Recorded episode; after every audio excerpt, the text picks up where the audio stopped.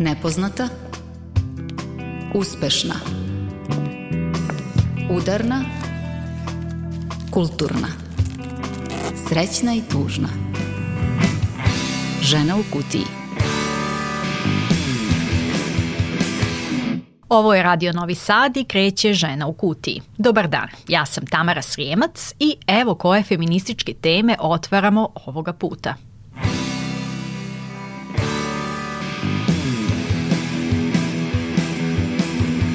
Završena je kampanja SOS protiv nasilja nad ženama koja već godinu i po dana doprinosi smanjenju rodno zasnovanog nasilja. U rubrici Udarna mapiramo probleme, analiziramo rezultate i pitamo se šta dalje. Nije lako precizno odrediti koliko smo daleko od nulte tolerancije, ali kao društvo moramo težiti nultoj toleranciji prema nasilju. Šta je endometrioza? To objašnjava rubrika Nepoznata. Ta ženska bolest je medicinsko, ali i kulturološko i feminističko pitanje da svaka, svaka priča, bez obzira na državu iz koje dolaze, počinje se time da e, im doktori nisu verovali da njih boli. Radionica sa pozorišnom edukatorkom i menadžerkom u kulturi Zoe Gudović 25. novembra stiže u Novi Sad. Radionica Učenje po zedu dekonstruiše patrijarhat, a poziv vam stiže u rubrici Kulturna. Ja sam rekla, dobro, koliko će ovaj patrijarhat nas da tlači? Udarna žena u kutiji. U rubrici Udarna kampanja SOS protiv nasilja. Počela je 2020. godine sa ciljem da doprinese smanjenju nasilja nad ženama tokom i nakon pandemije izazvane virusom COVID-19, a završena je prošle sedmice.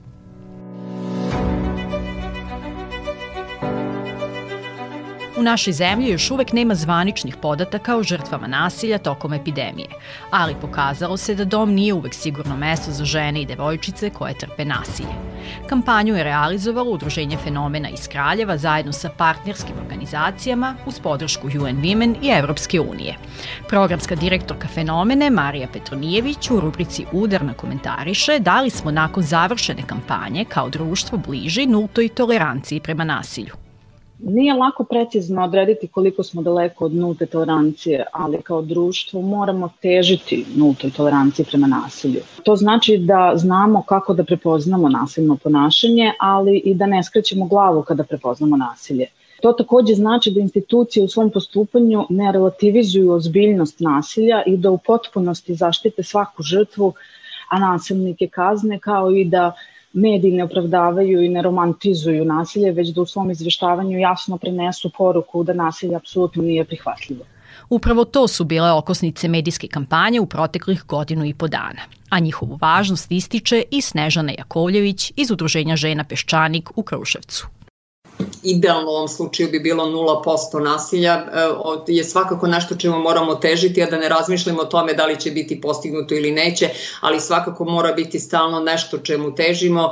I, i organizacija fenomena e, čija je kampanja i udruženje žena Peščanik i naravno sve ženske grupe koje se bave pitanjem nasilja, pre svega mislim i na mrežu žena protiv nasilja Srbije koja okuplja uh, 30 ženskih grupa od kojih većina pruža direktnu podršku ženama, ostale se bore na različite druge načine putem zagovaranja kampanje protiv nasilja prema ženama i svima nam je dakle taj nulti procenat na nasilje prema ženama i u mislima i u željama i nekako i čitava društvena zajednica bi tome trebalo da teži i to ova kampanja upravo i hoće.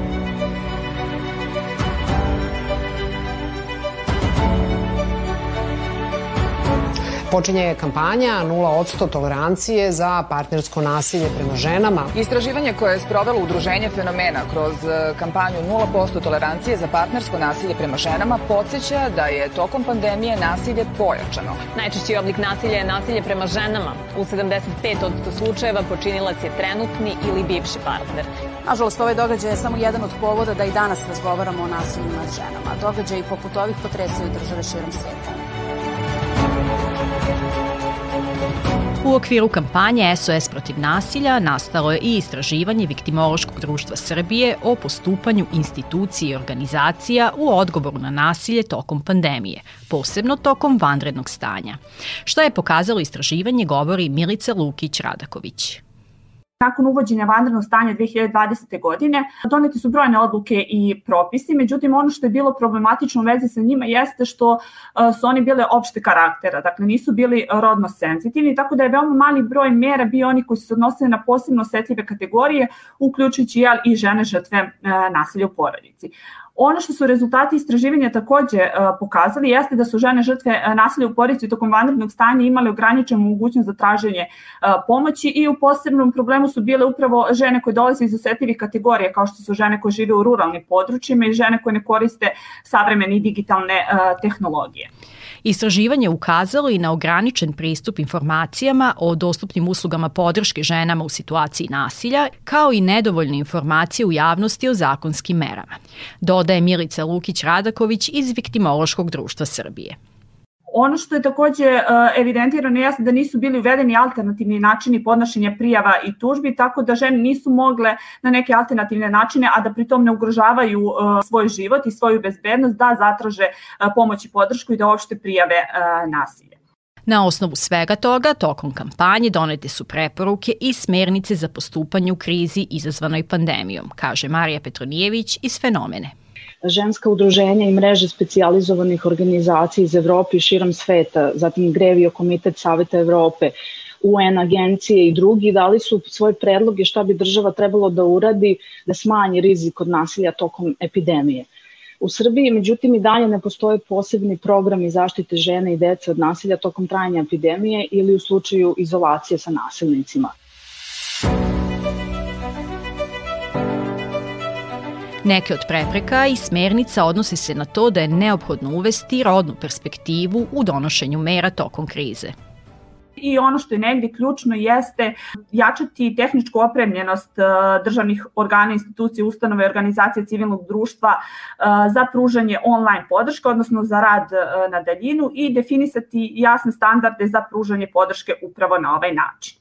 Takođe, ono što je neophodno jeste da država obezbedi adekvatno finansiranje za sve službe tokom pandemije, uključujući organizacije civilnog društva, budući da one finansijski nisu podržane od strane države, a sama pandemija je uticala još više da njihovo finansiranje bude nestabilnije i neizvesnije. Važnost rada upravo ženskih grupa na lokalu ističe programska direktorka BFM-a Jelena Višnjić, takođe učesnica kampanje SOS protiv nasilja. Kako je rekla, najvažnije feminističke akcije odvijaju se negde dalje od beogradskih centara. Ona podsjeća i na važnost ženskog aktivizma na ulici. Poslednji slučaj, kada su aktivistkinje gađale mural Ratka Mladića, pokazuje, kaže ona, da su ženski glasovi u našem društvu najprogresivniji da žene nekako imaju snage da govore o stvarima o kojima ova država neće, a to je jedno od ključnih pitanja, a za naše društvo i za njegovu emancipaciju, a to je proces suočavanja sa a, a, prošlošću. Mural koji zapravo jeste a, spomenik a, a, Ratku Mladiću na koje su dvije žene uspjele da izvrše atak, ali i reakcija, odnosno policije koja je izvršila nasilje nad njima, kao i a, građanskog društva a, nam pokazuje da zapravo žensko a, pitanje je ovdje zaista i dalje na a, samoj margini bilo kakve, bilo kakve agende. Sa te strane i mediji ovo društvo ima još puno a, posla na, na ne samo u unapređenju položaja žena, nego na unapređenju svih manjinskih, manjinskih grupa da ženske grupe i njihova delovanja imaju ogroman značaj u emancipaciji žena, saglasne i Snežana Jakoljević iz Udruženja žena Peščanik. Ne smemo zaboraviti da sve ono što je bilo koja država, bilo gde u svetu uradila kako bi um, unapredila prava žena i unapredila zaštitu od nasilja prema ženama zapravo nastalo zato što su neke ženske grupe se borile za to i neke ženske grupe to tražile. Ne bi države same ništa uradile, ne bi, nije njima toliko stalo do žena, dakle ženske grupe su zapravo te koje su uh, učinile da se bilo kakve promene u zakonima širom sveta dogode. I to je mhm. nekako važno da znamo šta je u stvari uloga ženskih grupa i da je to najvažniji doprinos možda ženskih grupa.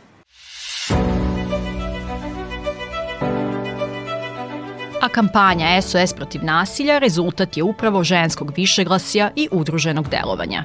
Učesnice kampanje su i pojedine novinarke iz grupe Novinarke protiv nasilja prema ženama. Uz nas dve autorke žene u kutiji, novinarka RTS Ana Manojlović, aktivno je doprinela težnji ka nultoj toleranciji prema nasilju kada je reč o medijskom izveštavanju. Moj zadatak je bio da posle predavanja novinarima dobijam sve tekstove, priloge koji su rađeni na temu nasilja nad ženama i na temu femicida da ih izanaliziram, da vidim da li su zadovoljili osnovne kriterijume koje smo postavili da bi ti tekstovi trebalo da imaju kada je reč o izveštavanju o nasilju. U početku je, kaže, bilo veliko interesovanje među novinarima i novinarkama da pišu o tim temama, što je dobro. A najveća zamerka u pričama koje je analizirala jesu neodgovarajuće fotografije, takozvana oprema teksta. Međutim, prisutne su i pozitivne promene to je što su novinari zaista izbegavali sve one grozne frazetine, ljubav i strasti, to je bila velika ljubav, pa je nešto pošlo naopako, pratila je zla kob, ovaj par, to je bila tragedija. Dakle, sve to što smo na predavanjima govorili da se ne stavlja u naslove i da se ne stavlja u tekstove, to su novinari usvojili i mnogo mi je drago zbog toga u najvećem broju tekstova stavljan je broj SOS telefona na koji mogu da se jave oni koji trpe nasilje ili koji su svedoci nasilja, što nije mala stvar i što je zaista veliki pomak. Mislim da je takođe veliki uspeh to što žrtva nije ni u jednom slučaju okrivljena za nasilje. Nije fokus onoga što se desilo pomeren na nju. Nije se prekopavalo po tome da li je ona izazvala svojim ponašanjem, neverom ili bilo čime nasilni akt. A to je, verujte mi, dugo se bavim ovim poslom, jedan od većih uspeha. Kako je vreme odmicalo, smanjilo se interesovanje za te teme. I tu je možda i najveći značaj kampanje SOS protiv nasilja, koja je stalnim saopštenjima javnosti i stupanjima u medijima podsjećala i podsticala novinare i novinarke da iznava otvaraju te teme. O tome svedoči i naša Milica Kravićak Samit, koja je PR-ka kampanje jako je važno da se o temi nasilja prema ženama, nasilja u porodici zapravo govori van onih 16 dana aktivizma kad se definitivno o tome govori i ja imam osjećaj verujem da to i zbog eh, kampanje SOS protiv nasilja, da smo u stvari to uspale da pomerimo. Da se o nasilju priča eto tako, četvrtkom, petkom, sredom, ujutro ili popodne i da shvatimo da je to nešto što je jedno od gorećih pitanja koje možemo da rešimo. Znam da je u Srbiji komeru gorećih pitanja, ali evo mi svaki dan imamo razlog da pričamo o nasilju. A koji su efekti i da li možemo znati do koliko ljudi je medijska kampanja dobacila? Praktično je nemoguće. Ja sam se trudila da pratim reakcije na portalima koliko ljudi je nešto prokomentarisalo, šerovalo, lajkovalo, ali e, to nije realna slika, zato što neko će nešto da prenese na svom profilu na društvenim mrežama, neko će drugi to da prenese, neko će to da prokomentariše, neko će samo da pročita, a mi nemamo uvid u to koliko je zapravo ljudi zaista videlo sve te tekstove i delilo ih okolo. Tako da prave efekte kampanje mi ne možemo da izmerimo e, i ono što sam ja sabrala te uh, komentare i, i deljenja koje su dostupna samo na nekim sajtovima zapravo uopšte nisu realna slika dometa. Mislim da je daleko veća, da je daleko više ljudi dobilo informaciju koju pokušavamo evo već decenijama da pošaljemo, a to je da nasilje nad ženama nije sporadičan slučaj, da je češće nego što mislimo, ozbiljnije i da smo svi negde odgovorni za posledice ukoliko se ne postavimo na pravi način. I meni se dopada što kampanja SOS protiv nasilja ne samo da je prezišla delovanje lokalnog udruženja fenomena i njihovog kraljeva, nego i Beograd i u tom smislu bila je prava nacionalna kampanja. To su bile žene i dalje su tu iz Kraljeva, Kruševca, Brusa, Beograda, Novog Sada i šire i tu smo, stojimo i kad se otkuca ovaj poslednji dan, kad se završi kampanja, ja znam da za nas sve koje smo tu kampanja nije završena.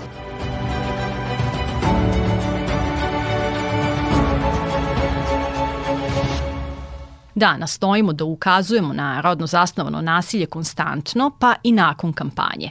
Udruženje fenomena na osnovu svih rezultata kampanje priprema deklaraciju o boljoj zaštiti žena i devojaka od nasilja tokom zdravstvenih i drugih kriza, koja će biti poslata svim relevantnim institucijama i organizacijama u našoj zemlji.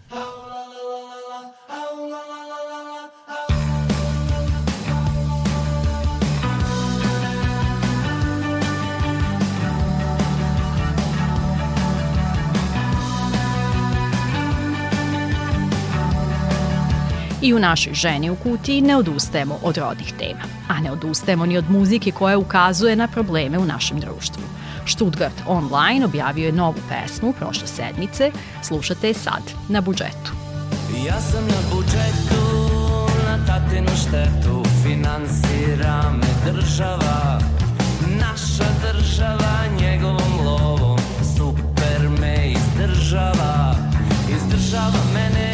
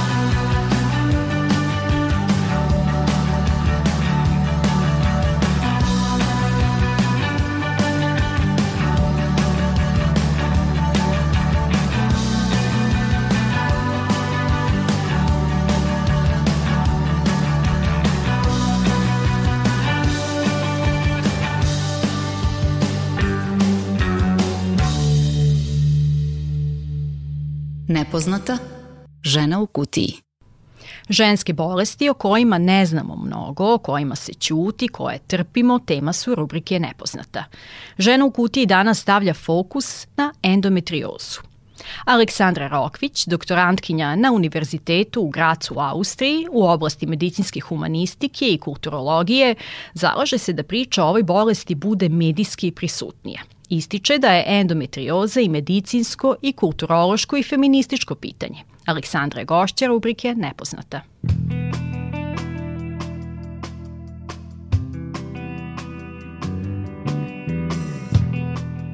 Aleksandra, većina ljudi ni ne zna šta je endometrioza, tako da krenemo od toga. Kako bi najprostije svima nama lajcima definisala i objasnila tu bolest?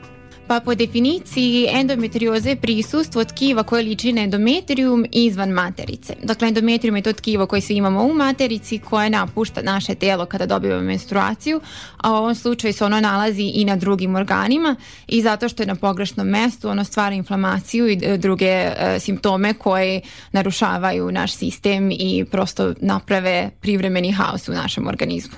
I koji su simptomi? Kako možemo shvatiti da je reč o toj bolesti? Pa glavni simptom i najjednostavniji za primetiti e, jesu abnormalno bolne menstruacije. I tu se često postavlja pitanja šta je to normalan bol mm -hmm. menstruacije, što je gotovo nemoguće odgovoriti jer je to vrlo subjektivno mm -hmm. i svaka žena doživljava svoj ciklus na drugačiji način. Ali abnormalan bol jeste bol koji vas onesposobljava da normalno funkcionišete u svakodnevnom životu. Znači ne možete da ustanete, imate e, simptome išijasa, povraćate, imate temperaturu i ne možete da funkcionišete u bilo kakvim svakodnevnim aktivnostima. Dakle, to je prvi simptom. A onda ima još i tih sporednih simptoma kao što su hronični umor, bol u donjim leđima, u nogama, neuropatija, migrene, em, problemi sa crevima i milion nekih sitnica koje još mogu da se pojave kao nuspojava. Da, sada kada nabraš zaista ima mnogo, ali mi i dalje to vodimo kao nevidljivu bolest iz razloga što prihvatamo to kao nešto normalno što ide sa menstrualnim ciklusom, e, nismo definisali to kao nešto što bi moglo da nam ukaže na neke druge medicinske probleme. Dakle, samim tim je e, teška dijagnoza ove bolesti, nekada prođe i po 8 do 10 godina. Kako u principu izgleda diagnostikovanje? Koliko treba da prođe vremena u proseku? Da, pa zapravo u poslednje vreme je to postala, postala malo popularnija tema i vršeno je dosta međunarodnih istraživanja na više kontinenta i zaključak upravo jeste kao što si rekla da je prosek, dakle neko od nas već u cijelom zapadnom svetu 8 godina od momenta kada se pacijent žali svom doktoru do trenutka kada se dođe do dijagnoze. Dakle ne do pomoći i nekog izlečenja već samo do dijagnoze što je užasno dugačak period kako izgleda dijagnoza, pa nažalost m, imamo problem na dve strane. Sa jedne strane imamo taj menstrualni tabu gde i same žene se jako dugo ne žale na svoje probleme jer se ne zna dovoljno o menstruaciji, ne priča se dovoljno o menstruaciji, ne učimo devojčice dovoljno o tome i puno žena jako dugo živi sa tim simptomima ne znajući da to u stvari nije normalno, tako da prvo nam tu prođe dosta vremena. Zatim imamo predrasude i sa strane lekara za koje često zaboravimo da su takođe ljudi koji žive u našem društvu gde je menstruacija tabuizirana i nekako se od žena očekuje da prosto istrpe taj bol i da je to normalan deo jednostavno bistovanja kao žena, iako kao što sam objasnila na početku ima velika razlika između nekog malog menstrualnog bola i ovih abnormalnih simptoma.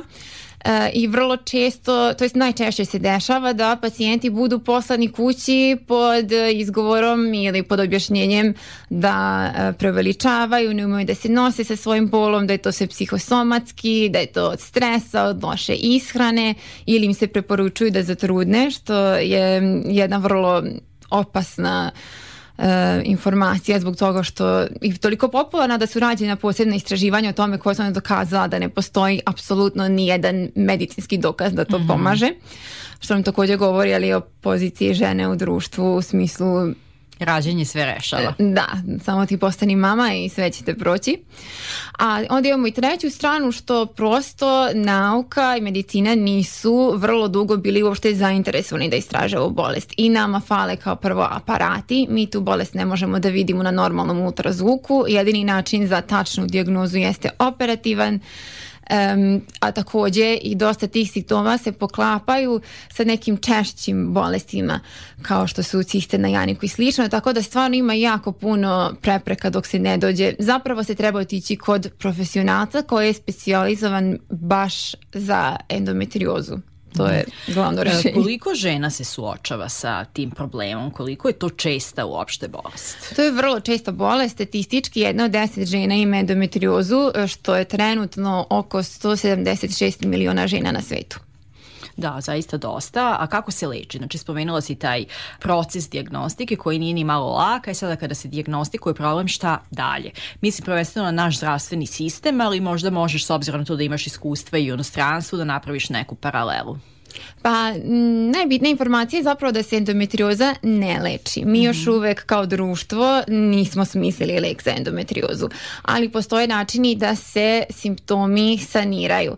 Em, od hormonalnih terapija a najučinkovitije se ispostavlja laparoskopska operacija koja to tkivo koje se nalazi na pogrešnim mestima otklanja, ali to je malo da iskoristim metaforu brijanja nogu kao da obriješ noge, ali koren dlake još uvijek ostane i ta će ponovo izrasti. U proseku traje jedno, dvije, tri godine dok endometrium ne ponovo da izraste iz tih mjesta i izaziva simptome.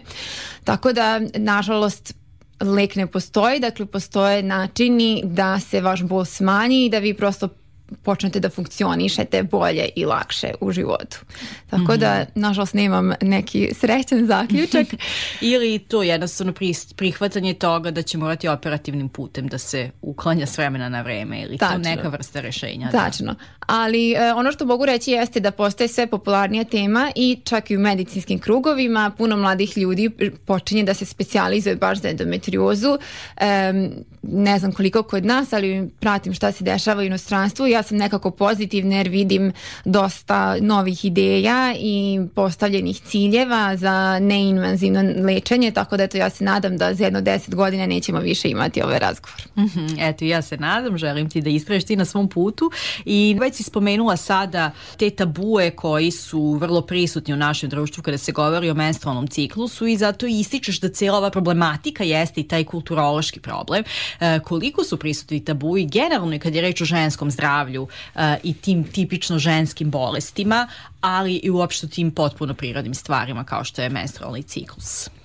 Pa izuzetno su prisutni, dakle menstruacija čak i ja se sada osjećam kao da ne bi trebala da izgovaram tu reč, em, ali to je jedan prirodni fiziološki proces zdravog ženskog tijela, ali iz različitih razloga mi smo od toga napravili tabu i on se ne spominje, sve se fokusira na sakrivanje menstruacije, da je to nešto e, prljavo, nešto što treba da se sakrije i to zaista utiče i na samu pacijentkinju u smislu da imamo strah od razgovora sa drugim ljudima o tome i od spominjanja toga uopšte, što ja lično mislim da je prvi korak. Moj cilj je da obrazujem druge žene i e, na neki neposredan način zbog toga sam počela da plasiram takve priče i na neke čak i zanimljive ili smiješne načine preko društvenih medija jer to ne bi trebalo da bude tabu. Trebalo bi biti normalno da razgovarate sa drugaricama, sa porodicom, čak i sa muškarcima, sa momkom, sa ocem, zato što prosto vama je potrebna pomoć u jednom trenutku kada ne možete, ako ste vi hronični bolesnik koji 4-5 dana u mesecu ne može da funkcioniše, to ne bi trebalo da bude tajna. I takođe je moje iskustvo bilo da kad god sam počeo da pričam o tome, bilo uživo, bilo na internetu, e, dobijem ogroman odziv od žena koje kao da su jedva dočekale da neko to prvi kaže i konstantno slušam priče, meni je bilo ovako, ja sam ovo, ja isto tako, moja sestra, moja tetka, a šta ovo, a šta ono. Tako da mislim da ima potrebe za time, samo još uvijek postoji taj nekakav strah o razgovoru. A kao što sam rekla, postoji predrasuda i od strane doktora koji mi kao još jednom ponavljam, zaboravljamo da su i oni deo društva izloženi istom tom tabu. Ali sada na osnovu ovoga što si ispričala mi deluje i zvuči da su devojke i žene spremne e, da govore o tome, samo treba eto neko da ih podstakne i da nekako plasiramo e, svi mi koji smo u prilici ovu temu u javni prostor. E, spomenula si da e, govoriš dosta o tome na društvenim mrežama, e, imaš serijal na YouTube-u koji objašnjava sve ovo još mnogo detaljnije, takođe prisutna si na Instagramu, na TikToku. E, zašto ti je važan takav vid komunikacije i da li to po tebi jeste e, pravi kanal komunikacije da dođeš do mladih koji možda i jesu najveća ciljna grupa? Pa ja mislim da jeste zbog toga što realno svi smo, na dru... mislim bar moja generacija, znam da su provodimo dosta vremena na društvenim mrežama, a ideja iza toga je zapravo bila da sam, ja želim da radim ono što, što je meni trebalo kada sam, na primjer, bila tinejdžer ili u ranim 20-ima, dok još nisam imala svoju dijagnozu. Ja bih voljela da je neko tada pričao o tome na takav pristupačan način i da sam onda mogla da povežem te neke stvari i imam dovoljno informacija da urgiram za sebe i više nekako se izborim za to da dođem do pravog lekara koji će znati šta da radi sa mnom, zato što je velika zabluda i još jedna vrlo bitna informacija, nije svaki ginekolog ekspert za endometriozu. Znači to što ste specijalizovali ginekologiju apsolutno ne znači da znate da lečite endometriozu. Mhm, e, koliko dugo si ti čekala na svoju dijagnozu i da li je ona dijagnostikovana u našoj državi ili u Austriji? Dijagnostifikovana je u Austriji posle 13 godina. Mhm, zaista dugo. Ti inače spadaš i u glavne pisce za platformu Medium u rubrici Feminizam. Prirodno pitanje koje se nameće zašto je priča o endometriozi jedno feminističko pitanje. Pa e, iz puno razloga, dakle kao prvo iz ovih tabua koji definitivno jesu feministička tema, drugo, prosto žensko telo jeste tabuizirano i e, naš pogled na žensko telo u društvu je kao da je neprirodno. Dakle, sve što je prirodno na ženi ne valja. Od, na primjer, tog brijanja nogu što sam spomenula što zvuči smiješno, ali dakle, konstantno se plasira to da treba da menjamo i svoj izgled i svoje razmišljanje i da smo napravljene tako kako ne bi trebalo da bude. A e, druga stvar je, dakle, prosto ja smatram da e, ako se rade istraživanja u cijelom zapadnom svetu i koje sam ja čitala i stvarno su bila šokantna gdje su radili intervjui sa ženama koje su diagnostifikovane um, laparoskopski, dakle definitivno sa endometriozom i da svaka, svaka priča, bez obzira na državu iz koje dolaze, počinje se time da uh, im doktori nisu verovali da njih boli. Ja smatram da je to automatski u tom momentu je u mojoj glavi to postao kulturološki problem. Jer kako je moguće da jedna žena sedi ispred doktora i izlistava šta je sve boli, koje sve simptome ima, i da se implicira da ona treba da pije lekove za smirenje, a ne lekove protiv bolova i da je šalju kući godine iz godinu u godinu, malte ne plasirajući priču iz 19. veka da je to tipična histerija. I nekako da je žena ta koja treba sama da se nosi sa tim, da ćuti, trpi i da rešava te probleme, da Naravno. nekako ostanu u privatnoj, a ne u javnoj sferi. Da, i da je nekako falična samim time što ne ume to da reši. Zašto preveličaš, zašto tebi treba pomoć, nikom drugom ne treba, idi kući, smiri se, lezi da spavaš, popij lek protiv bolova, nije ti ništa. A znamo sada da je to definitivno nije psihosomatska bolest, već to je izuzetno fizička bolest, postoji sve i svašta u našem organizmu što treba fizički da se odstrani da bi i drugi organi mogli normalno da funkcionišu. Da, i ti zaista praviš pravi balans, hvala ti na tome što uh, uopšte podižeš vidljivost ove teme. Uh, vola bih još za kraj, eto, da pozoveš sve koje je zainteresovala možda ova tema, da konkretnije kažeš kako možemo tebe naći na društvenim mrežama, na kom YouTube kanalu, gde možemo dobiti sve dodatne informacije. Pa zapravo je vrlo lako jer sam jedna od onih koja svuda koristi isto ime. E, svuda sam samo e, at Rokviti, znači Rokvit Y, to je mala igra na moje prezime koja je Rokvić, e, koja je počela kao internašala pa je duga priča, ali dakle i na medijumu i na Instagramu i na TikToku je samo dakle Rokviti, Rokvita Y i mislim da me vrlo lako možete pronaći jer nema nikog drugog koji koristi ovaj nadimak. Hvala mnogo Aleksandra na priči. Pozivam vas da zapratite Aleksandru Rokvić na društvenim mrežama, da se informišete o endometriozi i naravno da malo više verujemo ženama, devojčicama i opšte ljudima oko nas.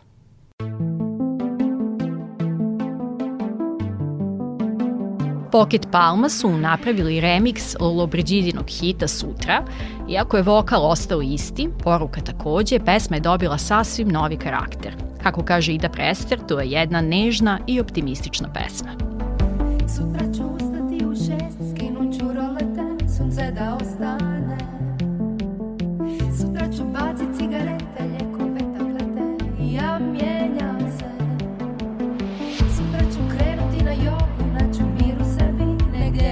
Je pao,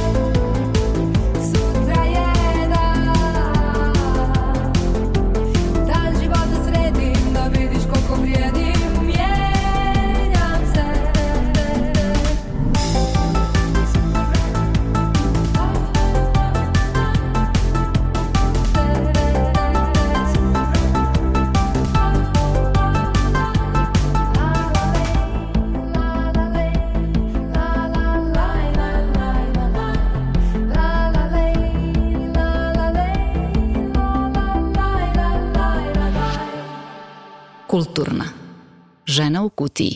U rubrici Kulturna pozivamo vas na radionicu Učenje po zedu, koja će se održati u Novom Sadu kao deo autonomnog festivala žena u četvrtak na veoma važan datum 25. novembar, Međunarodni dan bore protiv nasilja nad ženama. Zoja Gudović, menadžerka u kulturi, producentkinja i organizatorka, duže od 25 godina istražuje neformalne i angažovane pozorišne forme. U svojoj praksi spaja umetnost i aktivizam u cilju promene postojeće svesti i društvenih odnosa. Zoja Gudović je pozorišna edukatorka, performerka, drag king transformatorka, a za ženu u kutiji govori kako je nastala radionica Učenje po zedu i zašto je važno da budemo deo nje baš na Međunarodni dan bore protiv nasilja prema ženama.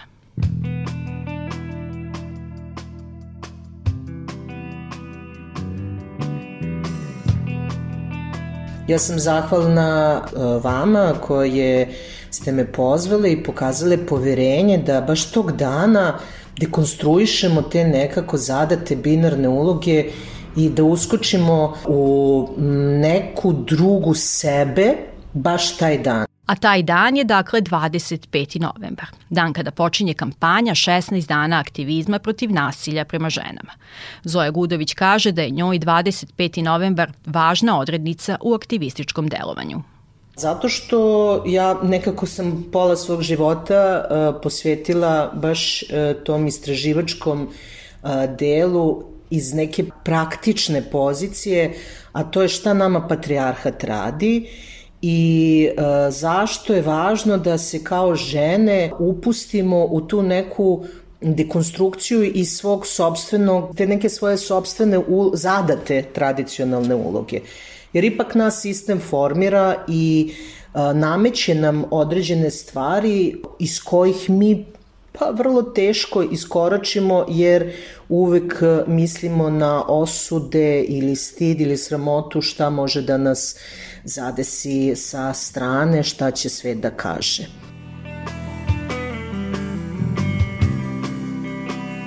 Pa ja ne znam da li su se baš sestre Mirabel pitale šta će sve da kaže, koliko su e, tada u tom trenutku slušale sebe. Sestre Mirabel kao simbol feminističkog otpora. Naše prethodnice, čije delovanje ne smemo zaboraviti, podsjeća Zoe.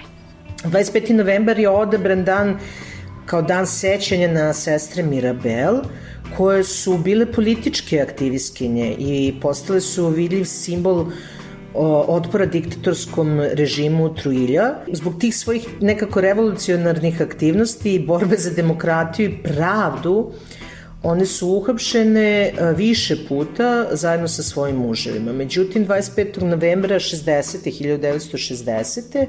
one su, kada su krenule u posetu svojim muževima koji su bili u zatvoru, u stvari ubijene, brutalno su ubijene One su zadavljene i tada su njihova tela pronađena sa polomljenim kostima.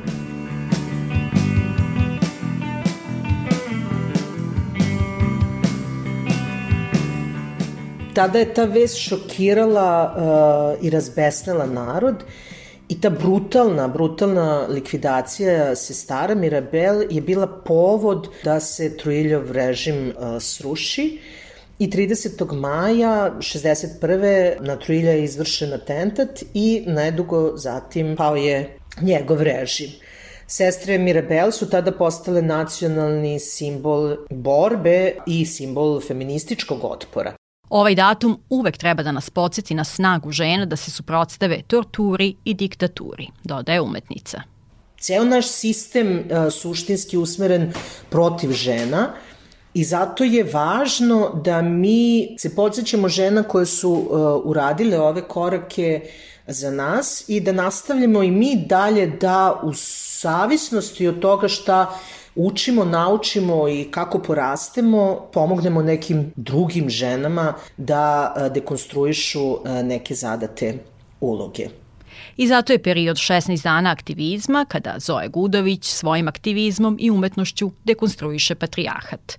Od 2002. do 2012. godine zajedno sa grupom Act Women's izvodila ulične performanse po gradovima Srbije. Obišli su oko 44 grada. Igrale smo u mahalama, ispred sudova, na ulicama, pijacama i igrali smo predstave koje su služile da se uh, žene identifikuju sa pričama koje mi uh, prezentujemo i prijave nasilje. I njena baza bavljenja umetničkim i aktivističkim radom je, kako kaže, pitanje prostora, tela i pitanje glasa. I sad dolazimo do toga da pirajući tada tu postojeću na turneji situaciju gde vidimo da žene opet stoje ne da, na nekoj periferiji na uglu uličica, muškarci u sredini dobacuju i negoduju što mi pričamo nasilju prema ženama, sme, me, meni je izazvalo neki otpor. Ja sam rekla, dobro, koliko će ovaj patrijarhat nas da tlači? I zašto mi dozvoljavamo da nam, jer da, muškarci kroje i politiku, i identitet, i sudbinu I onda je shvatila da u svom aktivističkom i umetničkom radu može da iskoristi lik njenog alter ega. A to je Drag King Z Zeldit Z koji nastaje te neke 2000 druge godine kada Biljana Stanković Lori iz Novog Sada i ja pokrećemo da, to pitanje transformacije svih nekako političkih struja kroz performativnu umetnost. I ona je značajna zato što ti kroz umetnost možeš da vidiš neku drugu realnost, da, da, da pomeriš te binarne strukture i da kreneš da smrskavaš te pozicije moći, kakav je patrijarhat. Važna inspiracija za radionice Učenje po zedu došla je od filma Venus Boys i rada Diane Thor koja je radila radionice muškarac za jedan dan.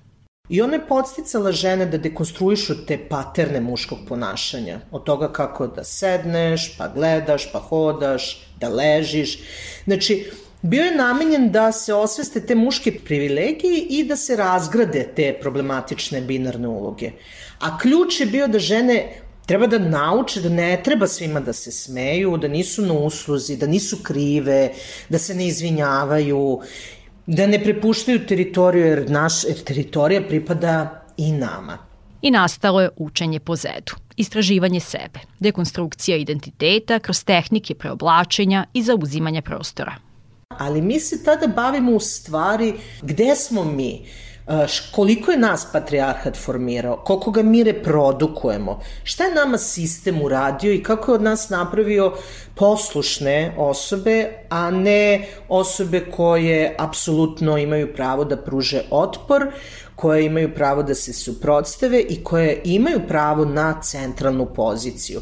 Od Frankfurta, Beograda, Prištine, Zoe Gudović i Zed Zelić stižu u Novi Sad. Četvrtak od 16 do 21 društveni centar izađi, a do sadašnje iskustvo umetnici govori da žene koje učestvuju u radionicama kroz transformaciju nauče nešto novo o sebi da žene u stvari se vrlo e, iznenade kada spoznaju koliko su i one same u opresi, sobstvenoj opresi svog tela i onoga što je akcija. Ovaj proces je isto vrlo zabavan. E, radujemo se, učimo nešto novo, zavirimo u neku drugu sebe. I moram vam priznati, e, žene mi kažu, hvala ti Zoe, prvi put smo se odmorili u svom telu. Što znači, dođite, pokušajte da u stvari izađete iz neke zadate uloge, a opet da je sačuvate i da znate koji su to mehanizmi koji koji u stvari mi moramo same isto tako da dekonstruišemo. Radionica je besplatna, broj učesnica je ograničen, prijavite se putem profila na mrežama ili mailom na autonomnifestivalžena.gmail.com. Hvala na slušanju i ovog ponedeljka. Pozdravljaju vas autorke Žene u kutiji, Milica Kravićak Samit i ja, Tamara Srijemac. Žena koja je zadužena za ton danas je Marica Jung. Ja se pomalo osjećam usamljeno bez Milice u studiju, ali to će se uskoro promeniti, a nadam se da će posle današnje emisije i vi makar malo manje osjećati same i sami u svojim problemima. Za kraj, prigodna pesma Damir Urban, Sama. Kuc, kuc, usred noći čuješ zvuk, budna si, al oči ti ne otvaraš, jer znaš to na kapke kuca mrak, to na kapke kuca mrak. Obećajem ti istinu, čuda se događaju Između tvojih očiju postoji prozor skriveni Kroz njega sad proviriti Reci mi što vidiš Vidim veliko srce što se otima i brani. Vidim ženu s jarbola viće Kopno u magli. Vidim strašni val se diže A ona ubaci u orahovoj ljusci ili nečijoj šaci. Ali vidim i svjetlo što se liz tijela u tijelo. Puno more lampiona kao zvijezdano nebo kako polako postaje jača od svega Ona ustaje i raste. Ponos sudbu mijenja Tad začuje lepet Zvoni stotinu milja Ja to prolazi visoko. Ja to predivnih vila Ona gleda u ruke A ruke postaju krila. Tad poleti za njima Jer srce zove daljina Prevrnuta gnjezda Ptice ne vraćaju na stabla Već grade iz početka nova. Bolja i snažna O, predivna, nemirna Pogledaj bolje U orahovoj ljusci Ti